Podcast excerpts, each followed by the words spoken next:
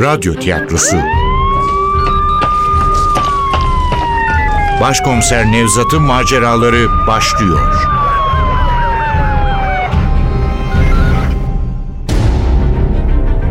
İstanbul Hatırası. Eser Ahmet Ümit. Radyoyu uyarlayan Safiye Kılıç.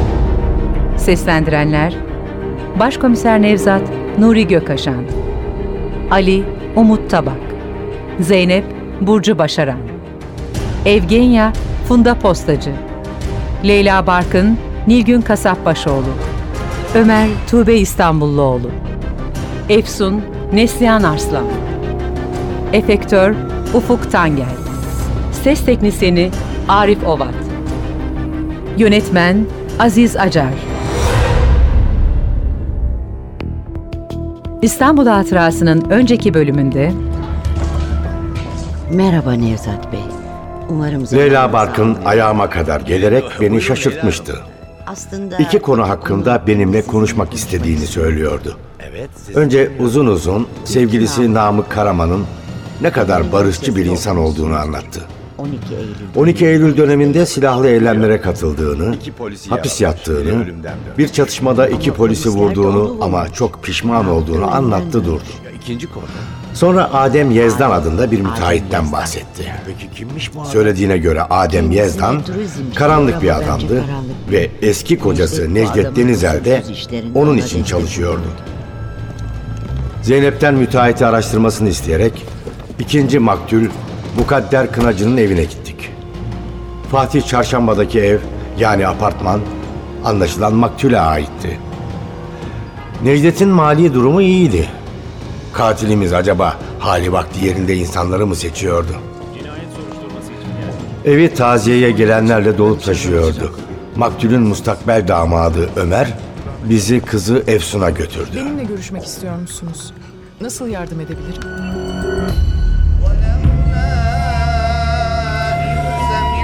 Başınız sağ olsun. Efsun Hanım değil mi? Evet, Efsun. Efsun Kınacı. Ben başkomiser Nevzat. Bu da komiser Ali. Ee, Buyurun, içeride daha rahat konuşuruz. Efsun'la Ömer bizi genişçe bir odaya aldılar. Odanın duvarları silme kitap dolu ahşap raflarla çevrilmişti. Kitap raflarının kapatamadığı yerlere yaldızlı Arap harfleriyle yazılmış, ayet ya da hadis olduğunu tahmin ettiğim çerçeveli metinler asılmıştı.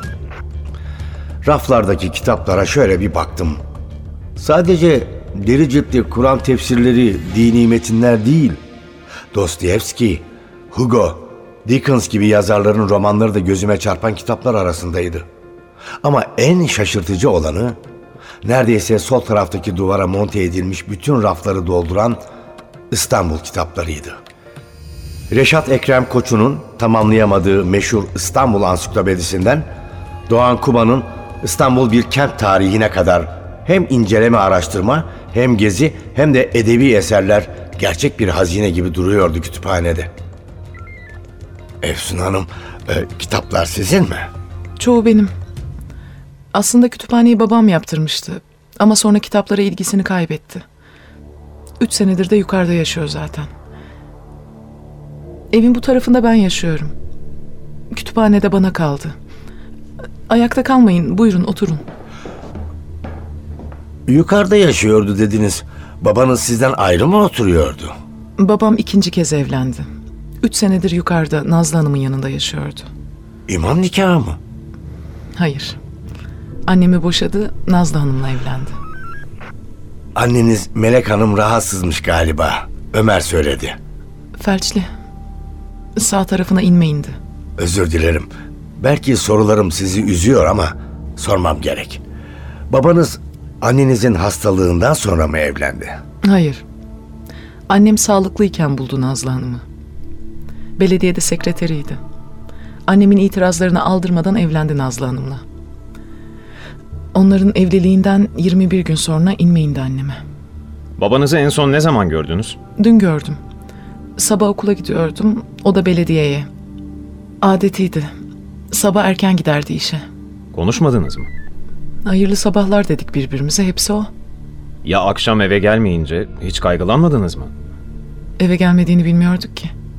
Günlerce bize uğramadığı olurdu. Anlayacağınız babamızın pek umrunda değildik. O yüzden mi babanızın ölümüne üzülmüyorsunuz? Buz gibi bir hava esti odada. Ömer'in Ali'ye diktiği kara gözleri nefretle yanmaya başlamıştı. Efsun'un da öfkeleneceğini, belki de görüşmeyi yarıda keseceğini düşündüm. Oysa ne alınganlık ne de bir kızgınlık belirdi genç kızın ince yüzünde. Soruyu yanıtlamadan önce sakince karşımızdaki koltuklardan birine yerleşti. Ölüm kaderimizde olan bir şeydir Ali Komiser. Er ya da geç hepimiz onu tadacağız. Ölümün ne zaman, nerede ve nasıl geleceği Allah'ın takdirine kalmıştır. Kuşkusuz ki babamın vadesi de bu ilahi kuralın dışında değildi. Kuşkusuz ki Cenab-ı Hak takdirini böyle kullanmıştır. Babanızın ölümü Cenab-ı Hakk'ın değil katillerin takdiri. Allah kullarının öldürülmesini niye istesin? Allah'ın hikmetinden sual olunmaz. Hayır da şer de ondan gelir. Biz aciz kulları onun neyi niçin yaptığını bilemeyiz. Elbette onun yaptığı her işte bir mana vardır. Onun adaleti herkesin, her şeyin üstündedir. O haklı olanla haksız olanı ayırt etmeyi bizden daha iyi bilir. Bu yüzden olanı kabullenmek bazen en büyük erdemdir. Bu sözlerin anlamı neydi şimdi? Babasının ölümünün adil olduğunu mu söylemeye çalışıyordu? Yoksa başımıza gelen en kötü olayları bile kabul ederek Allah'a isyan etmemeliyiz mi demek istiyordu? Anlamak için sordum. Rahmetli nasıl bir insandı? Bizde ölünün arkasından kötü konuşulmaz. Üstelik ben onun kızıyım. O zaman sen söyle Ömer. Nasıl bir adamdı senin müstakbel kayınpederin? Allah rahmet eylesin. Bana bir kötülüğü olmadı. Peki müstakbel kayınpederin seni sever miydi? Dikkatimi çekti. Sende de Efsun Hanım'da da alyans yok. Yoksa rahmetli evlenmenize sıcak bakmıyor muydu? Ne münasebet. Babam bizim evlenmemizi çok istiyordu. Hem bunun babamın öldürülmesiyle ne ilgisi var? Sakin olun lütfen Efsun Hanım. Biz sadece babanızın katillerini bulmaya çalışıyoruz. Yoksa ne sizin ne de Ömer kardeşimizin yaşamına karışmak gibi bir niyetimiz var. O zaman babamın iş yaşamını araştırmanız gerek. Çünkü ailesinden kimse ona zarar vermez. İş yaşamını da konuşacağız Efsun Hanım. Ama önce öğrenmek istediğim bir konu daha var. Babanızın ikinci eşi genç biri mi? Genç biri. Merak ettiğiniz buysa söyleyin. Babamdan 20 yaş daha genç. Benden sadece 2 yaş büyük. Sağlıklı güzel bir hanım. Haberi var mı? Sabah telefon edip söyledim. E neden telefon ettiniz burada yaşamıyor mu? Geçen hafta memleketine gitmişti, Rize'ye. Peki nasıl karşıladı?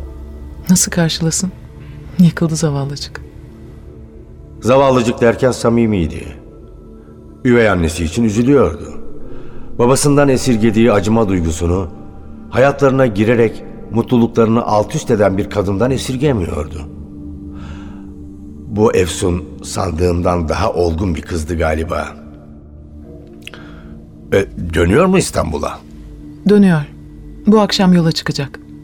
Vefalı insandır Nazlı. Öyle şaşkın şaşkın bakmayın Nevzat Bey. Onun bir suçu yok. Yoksul, kimi kimsesi olmayan bir kızcağız. Yetişkin, kudret sahibi bir adam ona gönül vermiş. Ne yapsın? Babanız gerçekten de aşık mıydı Nazlı Hanım'a? Bilmiyorum. Kim bilebilir ki? Babam biliyor muydu ondan bile emin değilim. Bildiğim babamın eline para geçince başka bir adama dönüştü. Leyla Barkın'ın eski kocası Necdet Denizel hakkında söylediklerini hatırladım. Tek kuruş beklemeden, kızgın güneşin altında, yüzü gözü toz içinde, geçmişin izini bulmaya çalışan o genç arkeolog gitti, yerine düşündüğü, dokunduğu, ilgilendiği her şeyi paraya çevirmeye çalışan bir iş adamı geldi, demişti.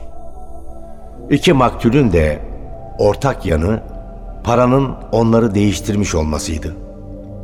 Bu benzerliğin bir gün arayla aynı biçimde öldürülen ve üzerlerine sikke bırakılan iki kurban arasında görülmesi, cinayetin çözülmesini kolaylaştıracak önemli bir ipucu olabilirdi. Yani iş yaşamının babanızı değiştirdiğini mi söylemek istiyorsunuz? İş yaşamı değil, para Nevzat Bey, para. Ne yazık ki babam son zamanlarda paranın kazandığı bir insan olmuştu. kanunsuz bir işle mi uğraşıyordu diye sorsanız fazla bir şey söyleyemem. Çünkü bilmiyorum ama son üç yıldır babam çok değişti. O kanaatkar, inançlı adamın yerini dünya nimetlerine gönül veren, nefsinin kölesi olmuş biri aldı. Bu nedenle iş yaşamını araştırmanızı tavsiye ettim size. Anladım. Bu bilgi bizim için çok önemli. E peki acaba konuşmamız için bize verebileceğiniz isimler var mı? Hani babanızda iş yapan insanlardan. Necdet Denizel diyeceğim ama sanırım artık onunla konuşamazsınız. Sabah haberlerde dinledim. O da öldürülmüş. Tam da tahmin ettiğim gibi. Galiba resim yavaş yavaş ortaya çıkıyordu. İlk maktulümüzün Mukadder Kınacı ile ilişkisi hakkında konuşmak istiyordum ama Efsun merak dolu gözlerini yüzüme dikerek sordu. Katil aynı kişi mi? Henüz bilmiyoruz ama bize yardım ederseniz onu daha kolay yakalarız. Tabii yakalanmasını istiyorsanız. Deminden beri bakıyorum da sanki babanızın ölümünü ilahi adaletmiş gibi karşılıyorsunuz. Bu durumda katilin yakalanması küçük bir ayrıntıdan ibaret sizin için. Yanılıyorsunuz Ali Bey. Allah'ın takdiri demek sadece şu an olanı kabullenmek değildir. Bundan sonra tecelli edecekleri de kabullenmektir. O bitmeyen bir döngüdür. O döngüye her kim katılıyorsa kuşku yok ki Yüce Allah onlar için de takdirini kullanacaktır. Yani katilin yakalanması ve cezalandırılması da Hak Teâlâ'nın takdiridir. Nevzat Bey, lütfen yanlış anlamayın. Elbette babamın katilinin bulunmasını isterim. Bu konuda elimden gelen her türlü yardımı yapmaya da hazırım. Teşekkür ederim Efsun Hanım. Peki babanızın Necdet Denizel'le ilişkisi hakkında bir şeyler biliyor musunuz?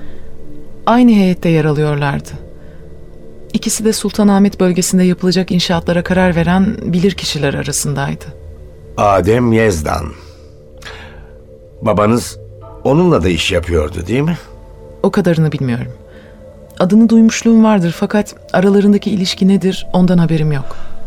Adem Yezdan'ı gördünüz mü hiç? Görmedim. Ben okulumla ilgiliyim. Babamın işlerine hiç karışmam. Ofisine yılda bir kez ya giderim ya da gitmem. Ne okuyorsunuz? İlahiyat fakültesini bitirdim. Şu anda master yapıyorum. Kur'an'ın tefsiri ve tevili üzerine çalışıyorum. Yani Allah'ın kitabının görünenin ötesindeki anlamları. Vallahi Efsun Hanım, Kur'an sizin için ne kadar değerliyse benim için de o kadar değerli. Siz bu cinayete takdir ilahi derseniz doğrudur. Kader derseniz o da doğrudur. Ama bu cinayetlerin hesabının ahirete kalacağını düşünüyorsanız işte bu yanlıştır. Hesap bu dünyada görülecektir. Hem dünyada hem ahirette başınızın belaya girmemesi için bizimle işbirliği yapmanız, bize yakın durmanız sizin hayrınızadır.'' Efsun'la Ömer'in bize ne kadar yakın duracaklarından, ne dereceye kadar yardım edeceklerinden emin olamasak da Ali'nin heyecanlı söylevinden sonra fazla kalamadık. Ama ayrılmadan önce Melek Hanım'ı görmek istedik. Dar koridoru geçip ellerini odanın tavanına doğru açmış, mırıl mırıl dualar okuyan, en az 20 kişilik kadın kalabalığının arasında yatağında oturan Melek Hanım ne kızı kadar metin görünüyordu ne de terk edilen bir kadın kadar öfkeli. Bizi fark edince geçirdiği felç nedeniyle sağa doğru çekilen yüzünü siyah tülbendini çekiştirerek saklamaya çalıştı. Ama mavi gözlerinden süzülen yaşları gizleyemedi. Bu yaşlar onu terk eden belki de bu hale gelmesinin baş sorumlusu olan eski kocasının ölümüne mi yoksa kendi kötü kaderine miydi?'' Mukadder Kınacı'nın evinden ayrılırken çaresizliğe, umutsuzluğa benzer bir duygu kaplamıştı içimi. Ama Ali benim gibi düşünmüyordu. Şüpheliler arasında baş sıraya koyduğu Namık Karaman'la sevgilisi Leyla Barkın'ın yerini Ömer'le Efsun almıştı. Yol boyunca aradığımız katillerin bu gençler olduğunu anlatıp durdu. Haklı da olabilirdi. Gençlerin Mukadder Kınacı'yı öldürmek için geçerli nedenleri vardı. Ama Necdet Denizeli neden ortadan kaldırmak istesinlerdi? Üstelik bütün o sikkelere, cesetleri tarihi mekanlara bırakmalarına ne gerek vardı? Ali de benim gibi bu sorulara doyurucu yanıtlar veremiyordu. O yüzden tartışmayı uzatmak yerine Pardüsümün içine gömülüp gözlerimi dinlendirmeyi tercih ettim. Arada içim geçmiş. Başkomiserim.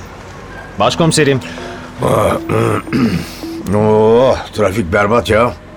Ali sen beni şurada indir. Daha fazla trafiğe girme. Mesai saati bitmeden belediyeye git. Mukadder Kınacı'nın mesai arkadaşlarıyla konuş. Gerçekten de dün sabah erkenden işe gitmiş mi? Gittiyse ne zaman ayrılmış?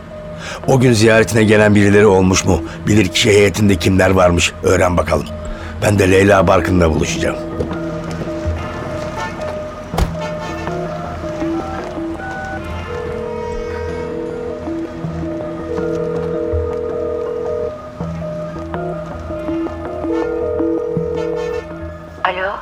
Buyurun.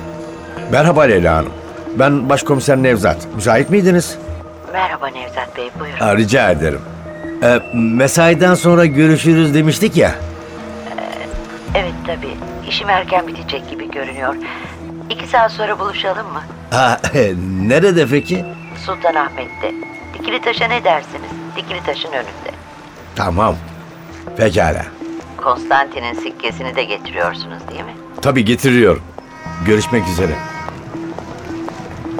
Fazla zamanım yoktu. Hızlı adımlarla emniyet binasına girdim. Yine bilgisayarın başındaydı Zeynep. Geceden beri birkaç saatlik uykuyla durmasına rağmen harıl harıl çalışmayı sürdürüyordu. Onu izlerken hamarat ve zeki bir elemana sahip olan bir amirin gururundan ziyade bir babanın kızına duyduğu şefkati hissettim. Ah merhaba başkomiserim. Ne zaman geldiniz? Yeni girdim içeri. Nasılsın bakalım? Fena değil. Leyla Barkın'ın parmak izini tarıyordum. E, iyi de yorgun görünüyorsun. E, biraz dinlenseydin sen. Sağ olun başkomiserim. Aslında o kadar kötü değilim. E, yemek yedin mi bari? Yedim yedim. Az önce kocaman bir pideyi mideme indirdim. Gerçekten iyiyim başkomiserim. Şu parmak izi meselesini halledince daha iyi olacağım. Aa, iyi, iyi, iyi o zaman. E, çünkü sana her zaman ihtiyacım var. Sadece bu davada değil her zaman. Ha, neyse Zeynep. Şu Adem Yezdan, müteahhit olan adam. Araştırabildin mi? Ne yazık ki hayır başkomiserim. Vakit olmadı. Ama Necdet Denizel ile Mukadder Kınacı'nın otopsi raporları geldi. Onları inceledim. Adem Yezdan da önemli. Onu atlamayalım Zeynep olur mu? Emredersiniz. E, peki şu otopsi raporları? İşimize yarar bir şey var mı? İki maktulün de ölüm nedeni aynı. Raporda şöyle yazıyor. İkisi de arteria karotisin kesilmesi sonucu oluşan hipovolemik şok sonucu yaşamlarını kaybetmişler. Yani başkomiserim hızlı ve aşırı kan kaybı sonucu ölmüşler. İşin ilginç tarafı bu işi yapan kişi bir uzmanmış. Oldukça düzgün kesikler açmış. Üstelik boyunlarındaki yaraların yerleri neredeyse milimi milimine aynı. Peki ölüm saatleri belirlendi mi? Ölüm saatini kesin olarak söyleyemiyoruz. Ancak her iki cesette de ölüm lekeleri tam olarak oluşmuş. Ölüm lekelerinin oluşması için en az 15 saat gerekir. Bu durumda her ikisi de bulduğumuzdan en az 15 saat önce öldürülmüş olmalı. Necdet Denizel salı günü sabahın 5'inde bulunmuştu. 15 saat geriye gidersek pazartesi günü öğleden sonra saat 14'ten önce öldürüldüğünü söyleyebiliriz. Mukadder Kınacı ise çarşamba günü gece 1'de bulmuştuk. 15 saat geriye gidersek onun da salı günü saat 10'dan önce öldürüldüğünü söyleyebiliriz. Tabii yaklaşık olarak. Kurbanlar katillere karşı koymamışlar mı? Hayır. Katille kurbanlar arasında boğuşma olduğunu gösteren hiçbir belirti yok. Sadece Necdet Denizel'in sol batınında iri metal para büyüklüğünde lekeler var. Sanki biri iri bir sopayla sertçe dürtüklemiş onu. Ama lekeler yeni değil, epey önce olmuş. Aa, lekelerin zamanı konusunda kesin bir şey söyleyemiyorlar mı? Söyleyemiyorlar ama en az bir hafta önce olmalı. Öyle iki günlük darp izi olsaydı belli olurdu. Kesin olan şu ki kurbanlar katillere karşı direnmemişler ya da direnememişler. Aa, o halde katiller kurbanları uyuşturarak kaçırmış olmalılar. Ben de öyle düşünüyorum başkomiserim.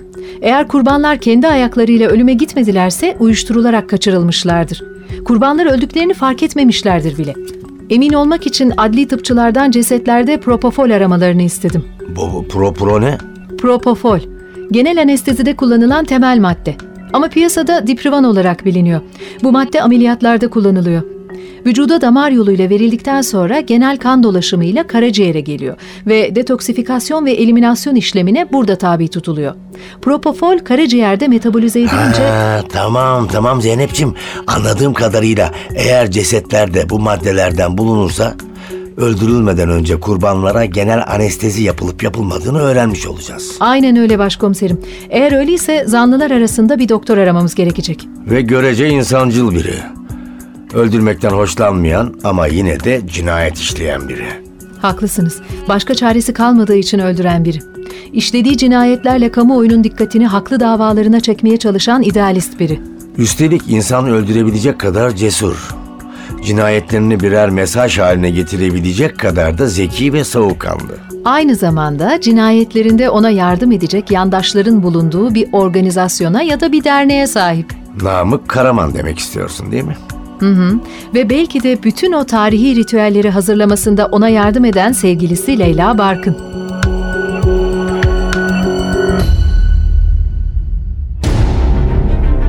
İstanbul Hatırası.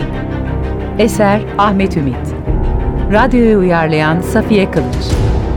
Seslendirenler Başkomiser Nevzat Nuri Gökaşan Ali Umut Tabak. Zeynep Burcu Başaran Evgenya Funda Postacı Leyla Barkın Nilgün Kasapbaşoğlu Ömer Tuğbe İstanbulluoğlu Efsun Neslihan Arslan Efektör Ufuk Tangel Ses Teknisini Arif Ovat Yönetmen Aziz Acar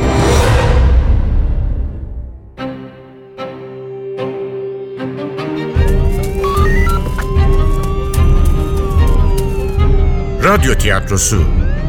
Başkomiser Nevzat'ın maceraları